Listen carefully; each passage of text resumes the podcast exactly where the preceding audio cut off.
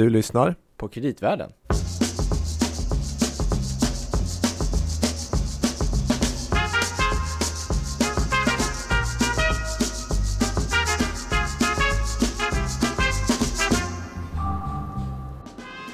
Ja, tyvärr så fortsätter värmen. Det är 40 grader eller till och med mer än det på många platser nu under den kommande veckan. Och de allra största problemen vi har, förutom värmen i sig, då, det är dels här i Västsverige, svåra skyfall, stora översvämningar och från Stockholmstrakten vidare norrut här upp längs Norrlandskusten där är det då raka motsatsen. Det är snustorrt på många platser.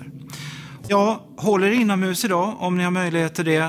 Om ni måste vara ute så se till att skydda er från solen och värmen och drick så mycket vätska som ni behöver.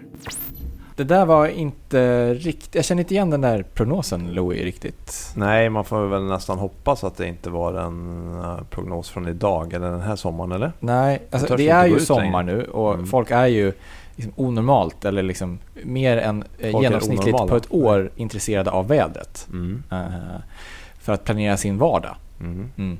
Men det här var en lite speciell prognos som man kanske kan använda för att planera sitt liv i allmänhet. Kan man säga så? Kanske en eventuell framtidsprognos mm. skulle man ju kunna säga. Eller vi kan ju hoppas kanske att det inte är det. Men, Nej. men vi tycker ju om att prata hållbarhet ja. i den här podden. Ja. Vi kastar oss från ena ämnet till det andra. Ja. Idag är det tillbaks till hållbarhetstemat. Ja, men det känns bra. Man får mm. liksom... Mycket bra. Och vi har ju sagt att vi ska försöka ha fram ett antal goda exempel. Ja, och vi men det här var ett dåligt exempel då? ja, själva prognosen. Ja. Just det. Nej, men vi ska ju försöka hitta företag och institutioner ja, som jobbar med de här frågorna. Just det. var ju en tanke. Mm. Och vi har ju pratat med Ulf, en investerare. Mm. Som håller på med gröna obligationer bland annat. Och hur han tänker och hans eh, egna forskningsprojekt kring det där. Ja.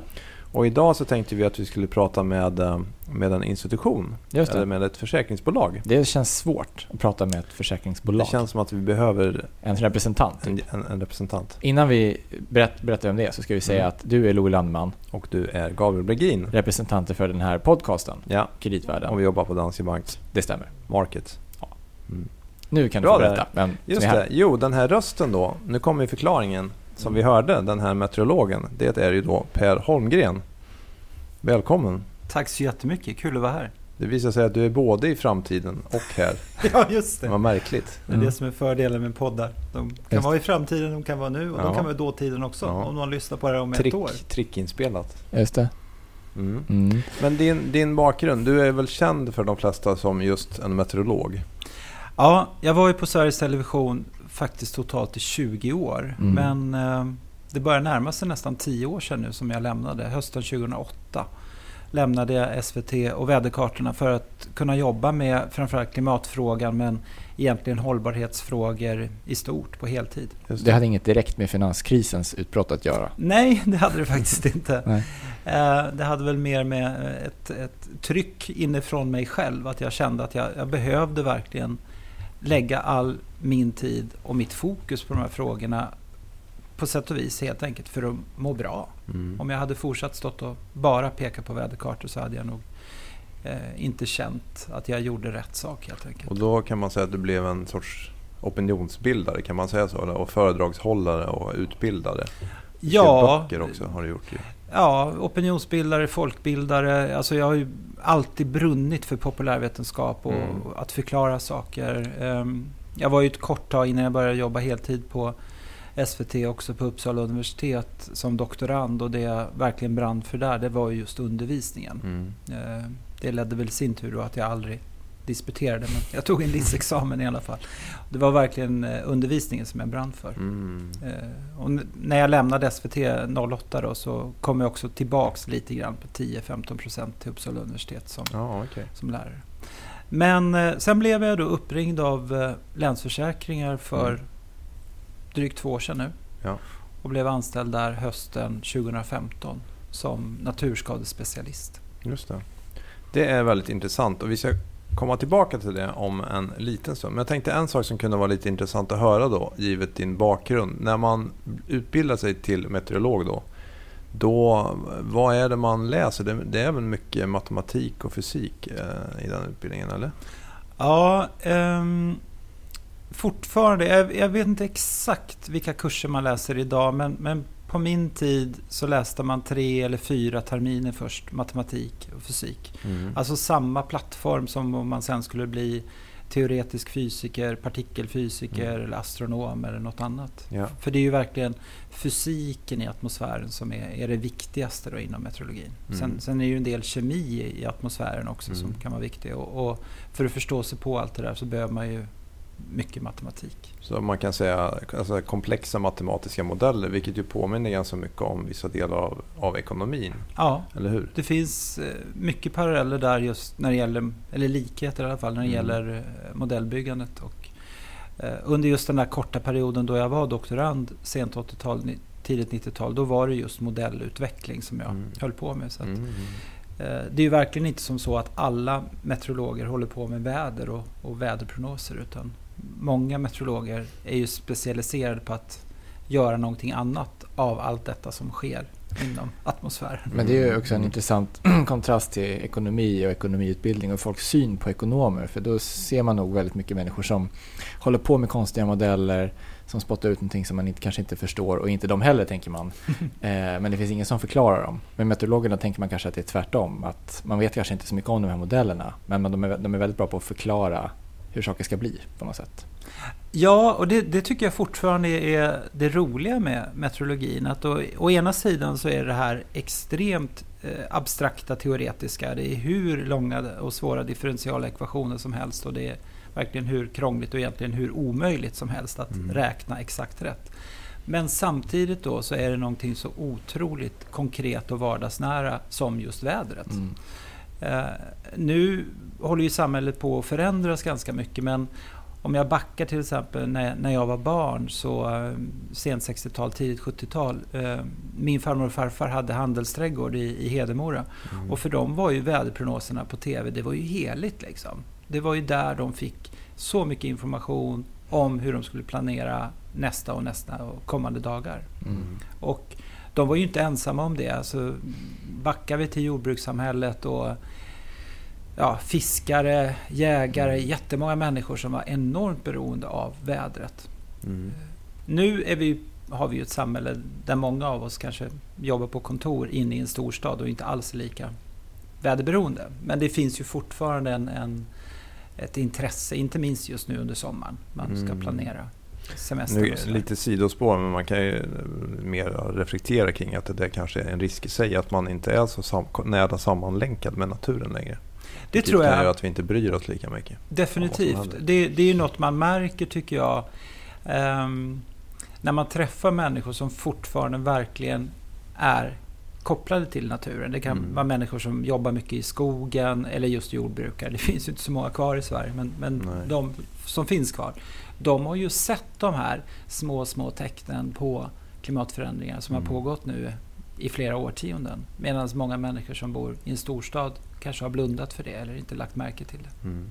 Det händer, snö, snö, snön är mer oregelbunden på något sätt. Det, det, är det väl enda kanske man tänker på om man bor i en storstad. Ja. Det regnar istället för att det snöar. Ja, det blir snökaos varje år. Snökaoset just här i Stockholm tror jag är en sån där väckarklocka. Mm. Eh, det var ju inte lika vanligt på 1900-talet. Även om vintrarna sakta men säkert blir kortare. Så när det väl snöar så kan det snöa väldigt mycket. Mm. mm. Men givet, en sån fråga som jag tycker är rätt intressant, givet din bakgrund då inom fysik och matematik. Så här, hur ser du då på ekonomi som vetenskap och hur ibland de här antaganden som görs som ja, man brukar raljera om evig tillväxt och sånt där. Mm. Tycker man som så att säga, fysiker att det här är väldigt verklig, en märklig värld, den ekonomiska? Alltså både och. Den, den stora skillnaden är ju att eh, som fysiker, om vi inkluderar meteorolog då i begreppet fysiker, så, så står man ju i princip alltid vid sidan av experimentet. Och mm. Man påverkar ju inte det som sker och eh, i många fall i alla fall så går det ju att återupprepa experiment och det går att vederlägga lagar och, och så vidare. och så vidare. Eh, tittar vi socioekonomiskt och, och, hur samhället fungerar så, så blir ju alla vi brickor i det maskineriet. Mm. Och, och, därmed så blir det ju så väldigt många antaganden som egentligen är, jag ska inte säga godtyckliga, men, men, men de blir ju inte lika Det är antaganden helt enkelt? Ja, det är precis. Det, det är mm. antaganden av, av, ett annat slag. Man kan mm. ju göra antaganden inom meteorologin också. Mm. Uh, men skillnaden är ju att det är ju verkligen en, en, en, en helt objektiv mm. betraktelse av någonting annat. Medan ekonomin är ju trots allt väldigt, väldigt subjektiv. Mm. Och, och, till exempel vad man har för omfattning om, eller uppfattning om vad, vad som är, är, bra och dåligt kan ju skilja. Mm. Eh, några människor kanske tycker det är jättebra om alla människor jobbar heltid i Sverige. Någon annan kanske tycker det vore ju fantastiskt om alla jobbade halvtid. Mm. Och redan där så får man ju då helt olika syn på vad som är, är god och, och, dålig samhällsekonomi. Mm. Så om man hör en ekonom, för det är det förmodligen då, som säger att han har en, någon sorts samhällsekonomisk modell som tvärsäkert säger att den här investeringen inte är lönsam, då ska man vara lite skeptisk kanske. Och fråga vad har du för gjort för antaganden? Ska man säga då? Ja, jag, jag tror faktiskt det. Mm. Ehm, man behöver nog ta ofta sådana prognoser, utsägelser med, med en nypa salt. Mm. Uh, nu ska jag som meteorolog gärna erkänna att meteorologiska prognoser, de blir också i princip alltid fel. Mm. Men det beror ju på en, en annan form av komplexitet. Ja.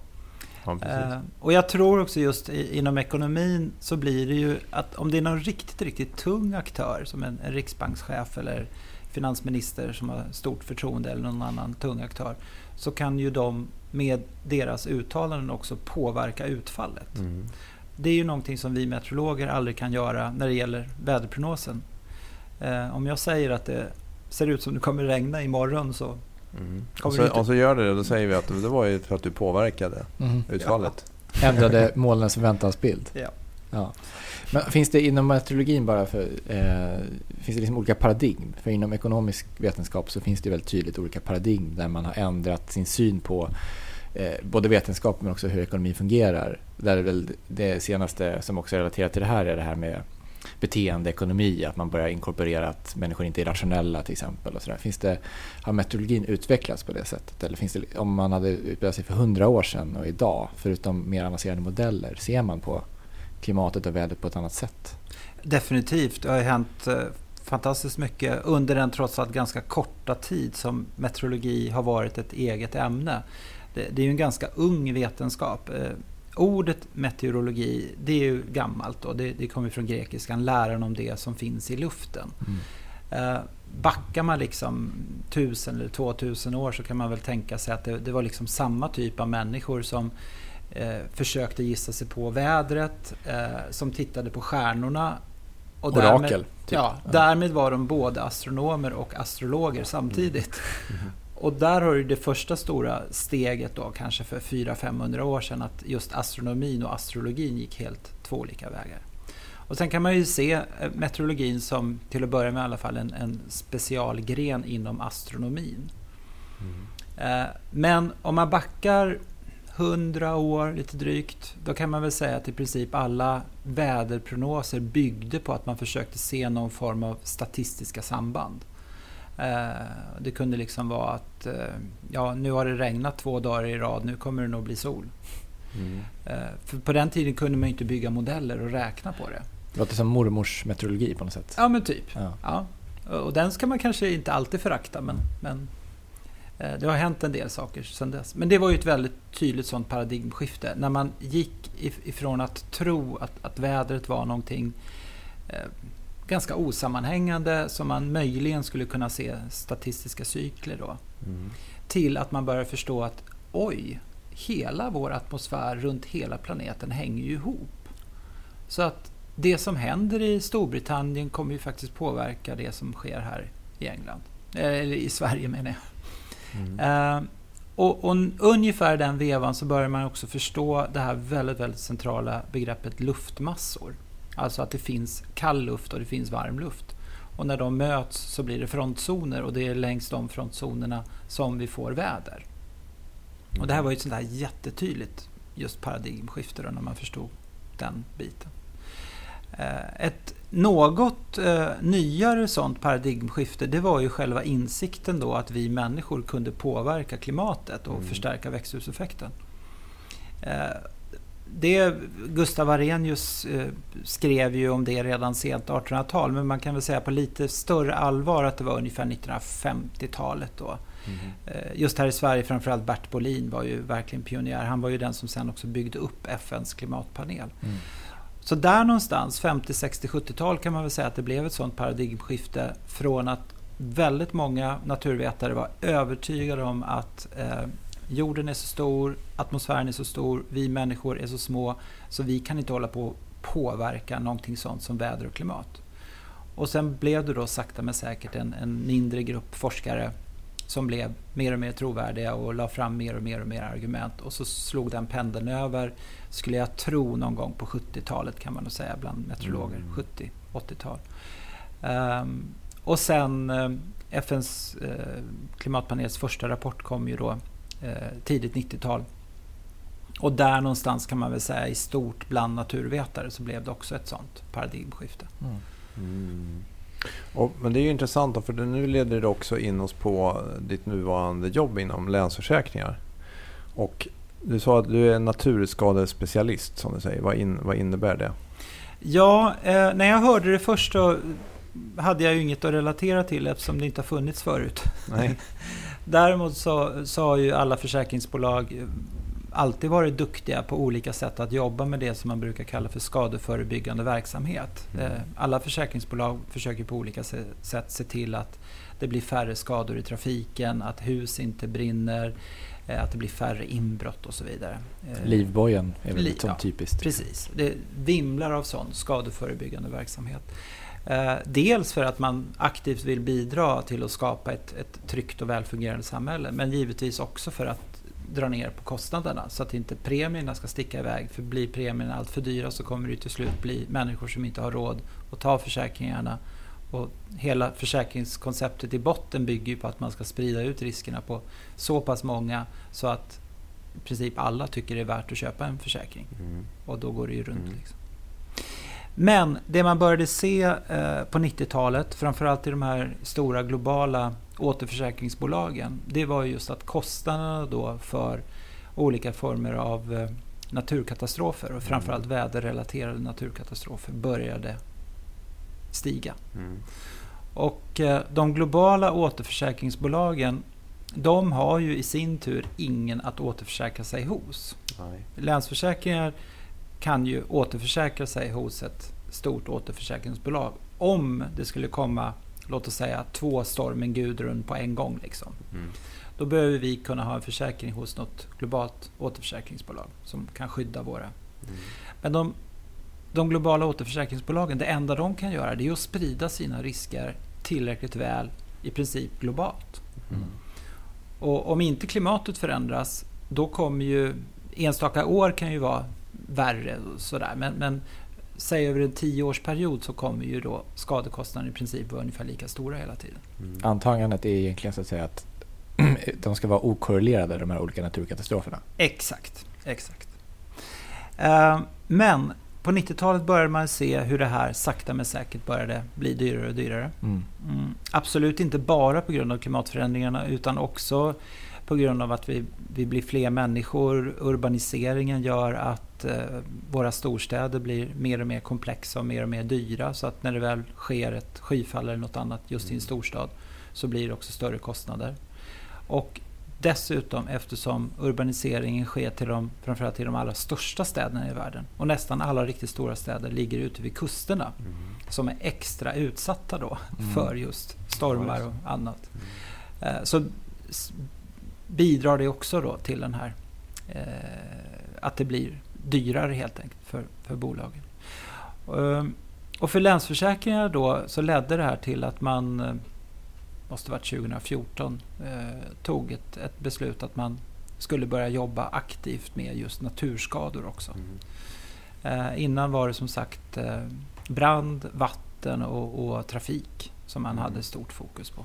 Och när man säger naturskador, vad menar man då? Alltså en skog som... Eller? Ja, alltså globalt så eh, handlar ju naturskador om allt ifrån väderkatastrofer, extrema mm. väderhändelser till vulkanutbrott och jordbävningar. Mm.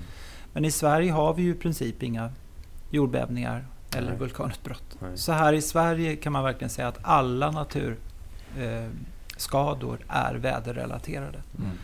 Sen kan de ibland vara indirekt väderrelaterade, till exempel en skogsbrand. Mm. Skogsbrand är ju i sig inte en väderhändelse men risken för skogsbränder ökar ju väldigt, väldigt fort. Framförallt så här på somrarna då när somrarna blir bara lite, lite varmare och mm. därmed också lite, lite torrare. Mm. Avdunstningen ökar och markvattenhalterna sjunker ganska snabbt.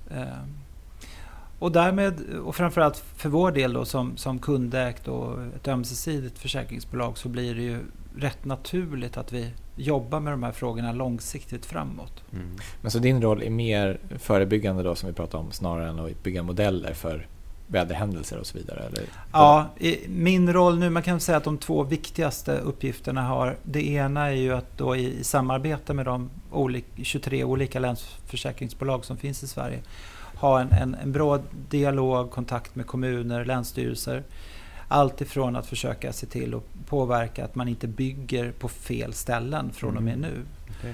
Men också se till att eh, vi har en bra hög beredskap. Kanske initiera gemensamma övningar så att när det väl blir en, en skogsbrand eller värmebölja eller skyfall att eh, alla aktörer i samhället, räddningstjänst, kommun, sjukvård och vad det nu kan handla om, eh, vet ungefär hur de ska agera. Det låter som ett, eh, alltså ett samhällsuppdrag.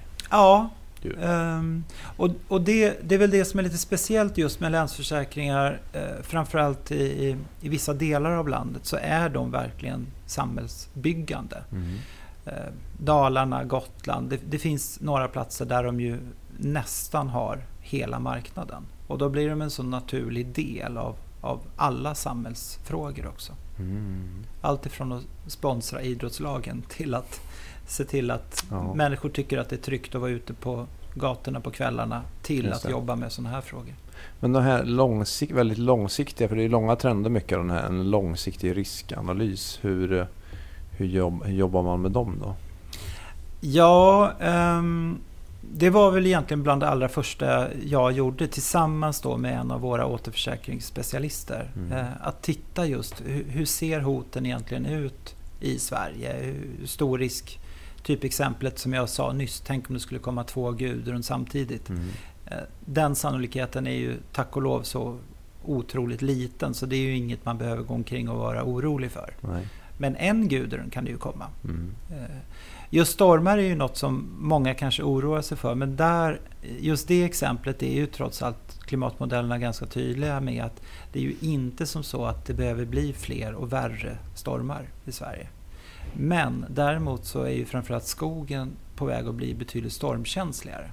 För att det är monokultur? Eller för att... Lite grann monokulturerna men framförallt det faktum att eh, det, det, är rätt sällan tjäle i backen i södra Sverige nu för tiden. Ah, okay. Det är ganska ofta, inte det här senaste året, men ganska ofta ganska blött ute i skogen. Mm. Under framförallt då december, januari, februari, ja, november, mm. höst och, och tidig vinter då de här värsta höststormarna kommer. Mm. Och återigen just det att vi också bygger ett mer och mer komplext samhälle eh, gör ju att när det väl blir en, en stor skada så får det följdverkningar på ett helt annat sätt. Du menar att samhället har blivit mer sårbart så att säga? Ja. Säga. Eh, just stormen Gudrun är ett jättebra exempel. Eh, jag var och träffade, eh, jag tror det var Kronobergs län, strax efteråt. Och de berättade då att när, när de första liksom mötet de hade när de samlades på morgonen efter och började diskutera hur de skulle agera för att få ut information. Mm. Så det första de tänkte då, vi lägger väl ut information på hemsidan, det brukar vi göra. Och då sitter ju alla dessa människor med strömavbrott. Mm. okay, ja, just det. Och helt plötsligt mm. så har vi liksom byggt upp det här digitaliserade, för det mm. mesta jätteväl fungerande samhället. Mm. Men vi måste också vara medvetna om att det finns känsligheter i det. Mm. Just för att vi har drivit effektiviseringen och automatiseringen så långt. Så, att, mm. så länge det funkar, funkar det jättebra. Men om det inte funkar så finns det ju tyvärr delar av Sverige i alla fall som idag har väldigt, väldigt dåligt med reservlösningar. Mm. Men det är ju väldigt intressant det här med den här typen av riskanalys. Jag tänker att om man gör den och även i större skala så kan det ju kanske visa sig då att mycket investeringar kanske skulle löna sig att göra så att säga, utifrån ett riskperspektiv. Alltså, eller att man har som du säger reservsystem och så vidare. Därför att vi vet att det är en viss risk att det här kommer att hända. Och då kan vi någonstans ekonomiskt påvisa att ja, men det är värt att ta den här kostnaden. Ja, verkligen. Och det... Så jag antar att man behöver göra den typen av väldigt långa ja. riskprognoser egentligen. Ja, och det, om man tittar på klimatfrågan då så är ju det någonting som många ekonomer eh, Nicholas Stern var ju den första då mm. i Storbritannien ja, som väldigt tydligt visade ur ett nationalekonomiskt perspektiv att det är så lönsamt att jobba med klimatfrågan. Mm. Och det är ju samma sak om vi tittar på klimatanpassningsutmaningar så säger det sig självt att en storstad som Stockholm eller Göteborg, Malmö, det kommer ju vara värt att investera nästan hur mycket som helst för att skydda de här stora städerna. Mm. Eftersom det finns så stora värden här att rädda. Men tyvärr samtidigt så kan det ju finnas en del små kuststäder i, i Sverige som man kanske då tvärtom kommer till den analysen att det, det kommer inte vara värt att rädda de här platserna. det kommer att kosta för mycket. Det kommer att kosta för mycket. Mm. Mm.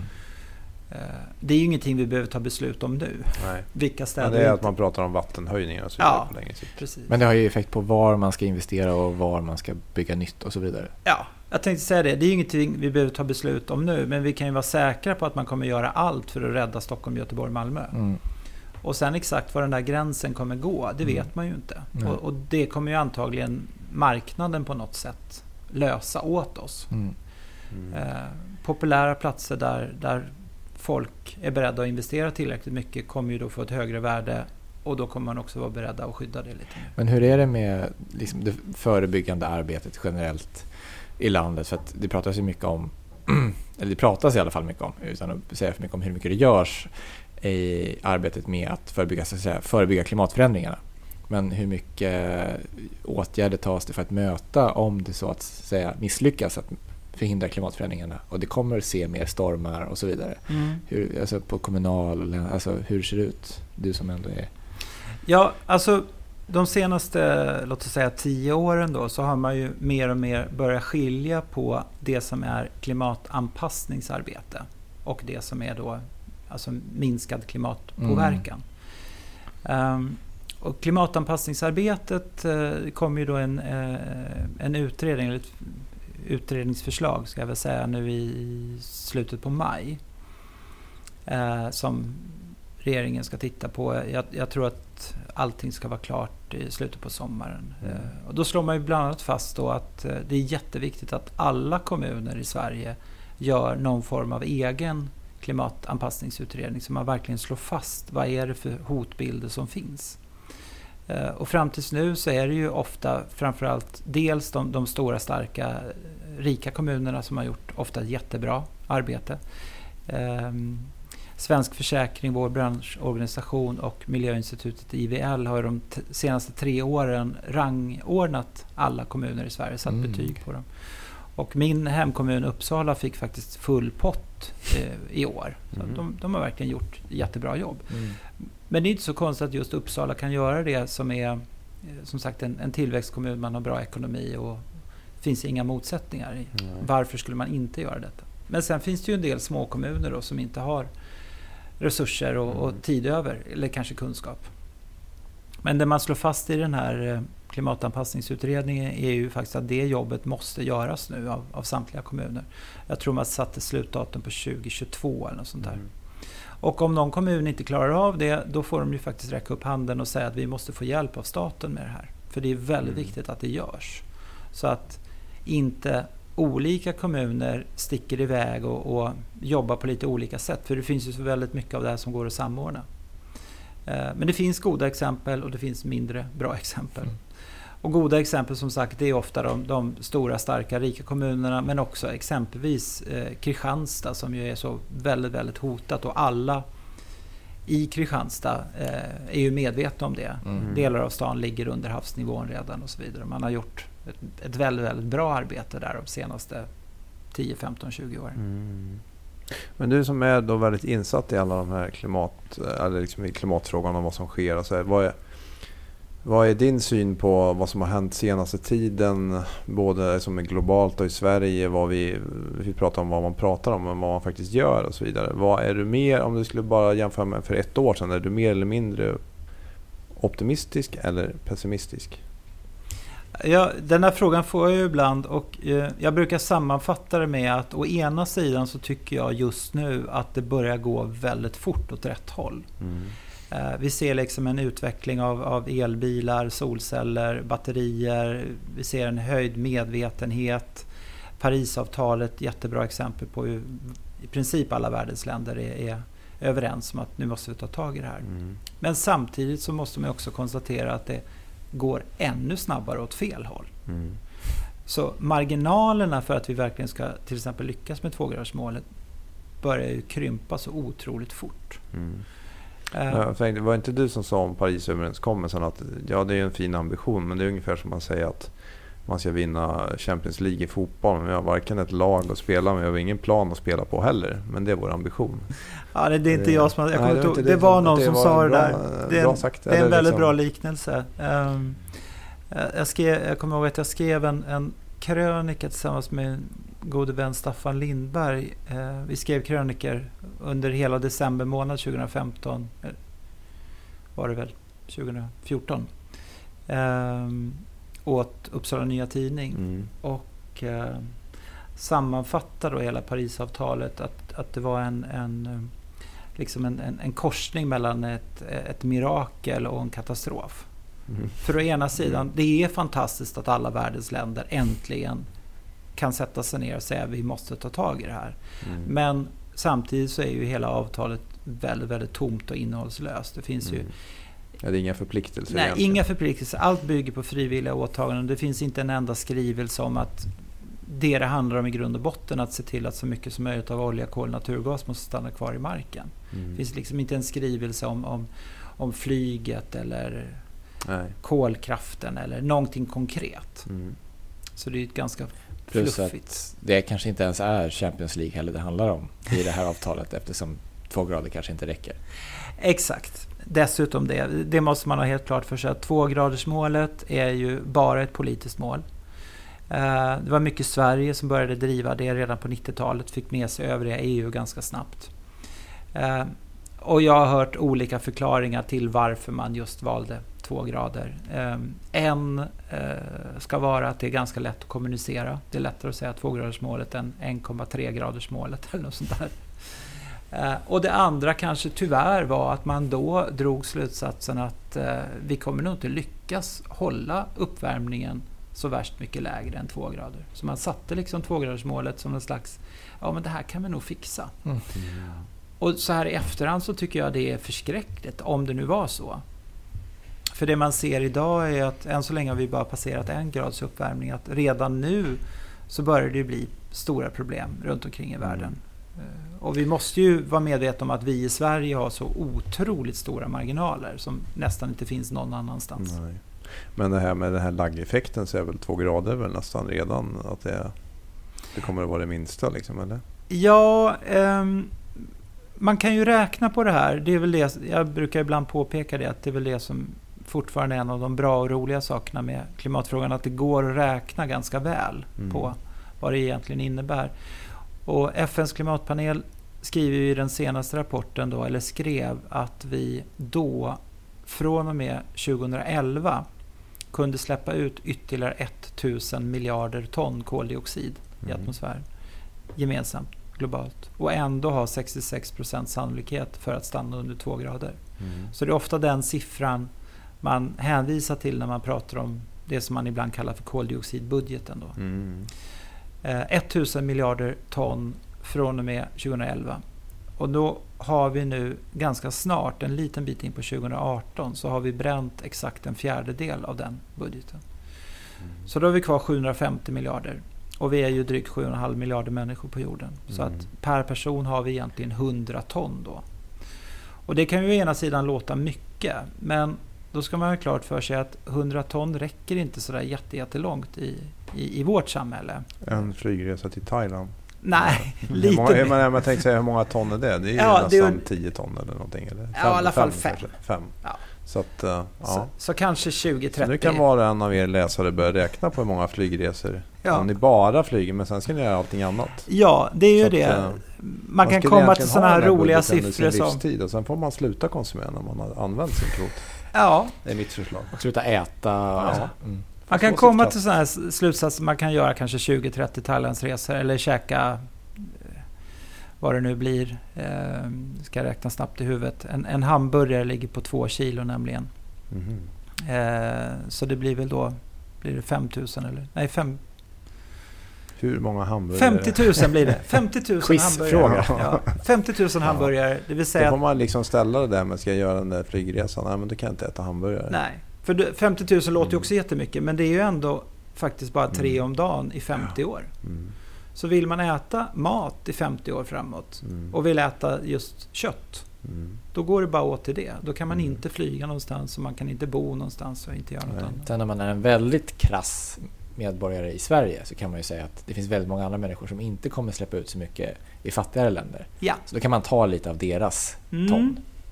Ja, men för jag har ju lite eh, statistik på det, för det tittade jag på innan och då fick jag fram bland annat en siffra. Att de rikaste 10 procenten i världen står för 50 procent av de totala utsläppen och de fattigaste, den fattigaste halvan står endast för 10 procent. Ja. Och en sån här genomsnittlig person, om man tar de 1% rikaste, står för 175 gånger mer utsläpp än de fattigaste 10%. Ja. Så det är ju en väldigt etisk fråga. Vi vill ju sällan prata om det offentligt, men det är det ju. Det är ju det. Vår konsumtion påverkar ju andra.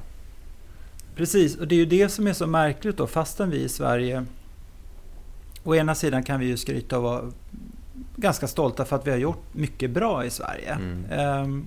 Men jag menar, vi har en elproduktion i Sverige som nästan är koldioxidneutral. Och vi har en hög medvetenhet och vi är duktiga på att sortera sopor och sådär. Men samtidigt så har vi ju i genomsnitt då så pass mycket pengar. Mm. Så vi flyger extremt mycket per mm. capita och vi konsumerar en massa saker som vi egentligen inte måste ha.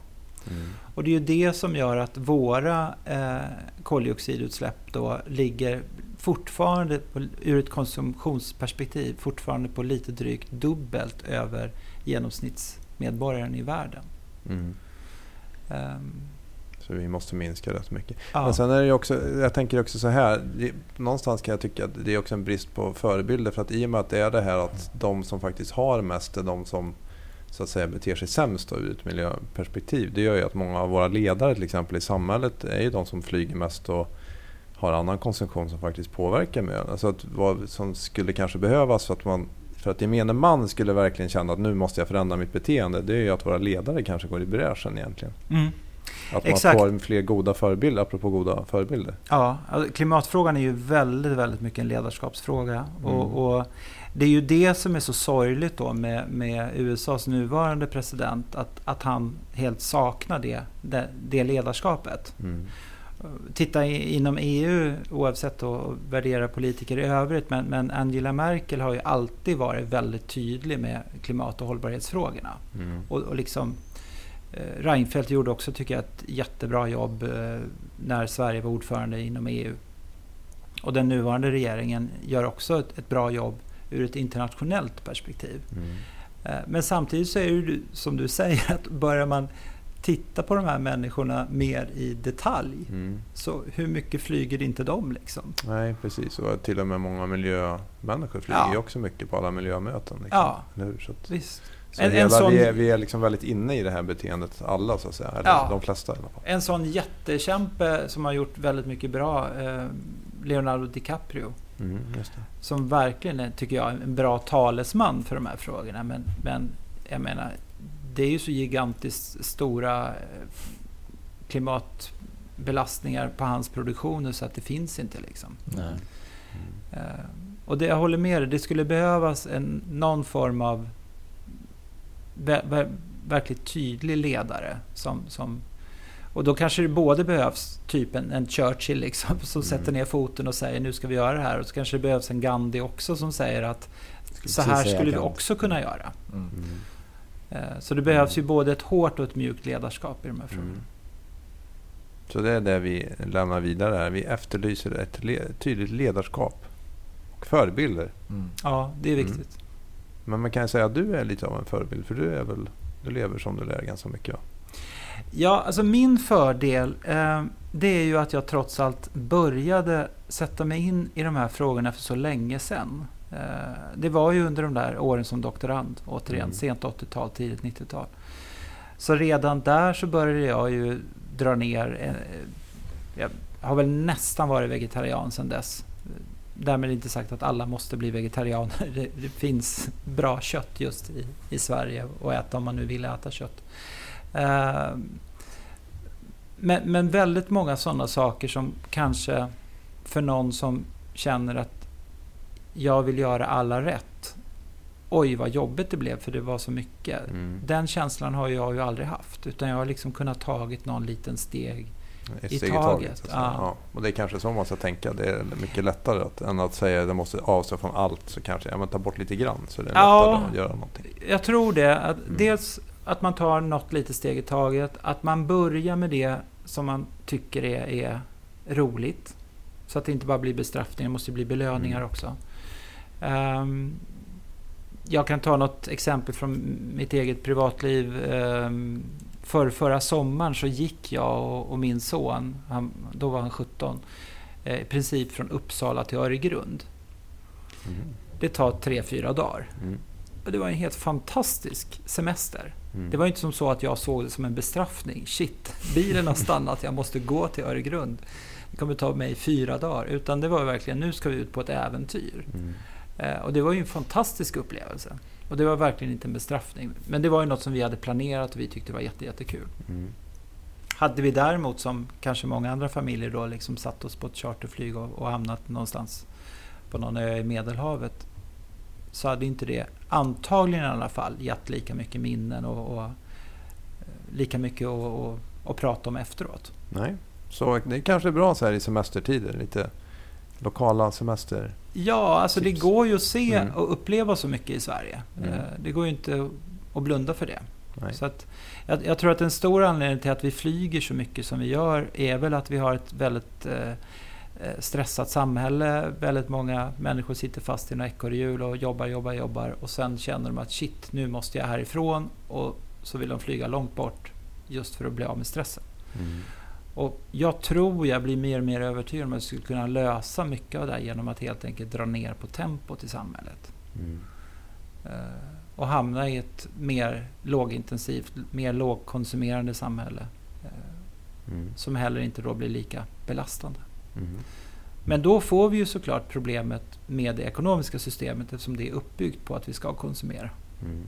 Att det är vår konsumtion som driver på mm. tillväxten. Och det, det är ju en, en, del av hela den här utmaningen. Mm. Men dina tre, sista grejen, dina tre bästa då, snabba klimattips om man vill göra något konkret. Det ena är då typ flyg lite mindre, gör någon lokal semester. Andra då kanske ät lite mindre kött. Tredje, finns det någon sån? Ja, det tredje som, som jag tror är viktigt för många eh, är ju det faktum att eh, eh, vissa människor, i alla fall när man får all den här medvetenheten eller kunskapen, så kan man ju känna den här stora klumpen i magen och bara känna att shit, det här är ju redan kört. Och, mm. och det är ju faktiskt många psykologer som börjar prata om klimatångest mm. som ett begrepp. Och, och det, som, det enda som brukar hjälpa mot denna klimatångest är ju dels att skaffa sig mer kunskap så mm. att man därigenom också kan sålla bort en del överdrifter. Som, man ska ju inte tro allt som står i kvällstidningarna och på löpsedeln. Det är en del överdrifter. Eh, men det andra är ju att engagera sig. Alltså känna att man gör någonting. Och det kan ju mm. vara allt ifrån att man går med i en miljöorganisation och träffar andra som jobbar med de här frågorna. Eller att man på sitt jobb kanske aktivt börjar driva sådana här frågor. och, och påverka andra. Och det kan mm. vara en massa sådana saker. Men att man, jag tror att, att just när man börjar känna att man bidrar med någonting. Mm. Och, återigen, det var ju mycket därför jag, jag lämnade SVT. Även om jag hade jätteroligt jobb. Eh, fantastiskt bra arbetskamrater och mycket, mycket annat. Så kände jag att jag, jag behövde faktiskt fokusera helt på klimatfrågan. Helt enkelt för att må någorlunda bra. Mm. Bra tips. Och bra för oss. Mm. För då kunde du komma hit i podden. Precis, Precis. och ni får en anledning att ta upp det här vid fler tillfällen. Ja, det hoppas vi att vi ska kunna göra. Ja. Kan berätta att eh, Louis uppfyller punkt tre. Det här med att göra sitt bästa på sitt jobb. Med bravur. Bara ja, ja, det noteras av kollegorna. Ja. ja jag erkänner mig skyldig. Ja, men det var en komplimang. Mm. Jag tror inte det återstår så mycket mer än att tacka så hemskt mycket. Stort tack mm. för att du kom. Mm. Tack så jättemycket att jag fick komma. Mm. Ja, bra frågor från er. Roliga frågor att samtala kring. Och bra svar. Inte minst. Bara en sån sak. Då önskar vi kanske alla lyssnare till slut trevlig fortsatt sommar. Mm. Och på återhörande. Men det är inte slut än va Louie? Är det inte? Nej, jag vet inte. Du brukar aldrig låta Nej, det är aldrig inte slut. Nej. Nej, precis. Nej, men exakt. För att vi tänkte ju ändå så här. Du, det är ju ändå också så att du har ett visst musikintresse. Och vi snappade upp att ni hade, ni hade ju något eh, meteorolog-metalband där på SVT-tiden, eller hur? Ja, det var ju från början ett, ett rent skämt bara. Typ som en tv-sketch ungefär. Jag och, min eh, kära vän och kollega Per-Erik Åberg eh, skulle göra en avslutning på en programserie som heter Meteorologi mer än bara väder som sändes mm. under 2003. Det var liksom det allra, allra sista. Och hela det sista programmet handlade just om klimatförändringarna och, och det var alltifrån eh, dels hur, hur, det kunde påverka eh, finansvärlden faktiskt, mm. gjorde vi ett inslag om. Fick hjälp av en av ekonomireportrarna att göra det. Och sen ett om hur, hur snabbt det går i, i Alperna och i Arktis. Redan då, där i 15 år sedan. Isbjörnar. Mm. Ja, och en glaciär som krymper. Och ja. Ja, ja. Men sen skulle vi ju toppa alltihopa med det allra, allra värsta och det var ju det faktum att vi har så mycket låtar om, om väder som ju handlar om hur 1900-talets väder var och då kommer vi behöva skriva om de här låtarna. och nya texter. Ah, så då okay. gjorde vi en sån grej. Mm. Men detta lilla, lilla ursprungliga rena tv-skämt då, det, det landade ju sen faktiskt till att uh, Sweden Rock Festival hörde av sig till oss. okay. Och undrade om vi inte kunde spela på festivalen. Så det Jäklar. ursprungliga lilla tv-skämt, mm. sketchskämten eller vad man ska säga, landade till att vi blev eh, rockband. Kul! Vi gjorde en konsert. Så då kanske kul. vi för en gångs skull kan lyssna på en hel låt eventuellt, Gabriel? Det kan vi göra, absolut. Denna heter Ser det regnar. Jag ser det regnar. Men med en lite annan text då. Vi hoppas att det inte är väderprognosen för resten av sommaren. Lagom är bäst. Lagom är bäst. Ja, tack stort igen. tack och på återhörande. Exakt. Hej. Hej.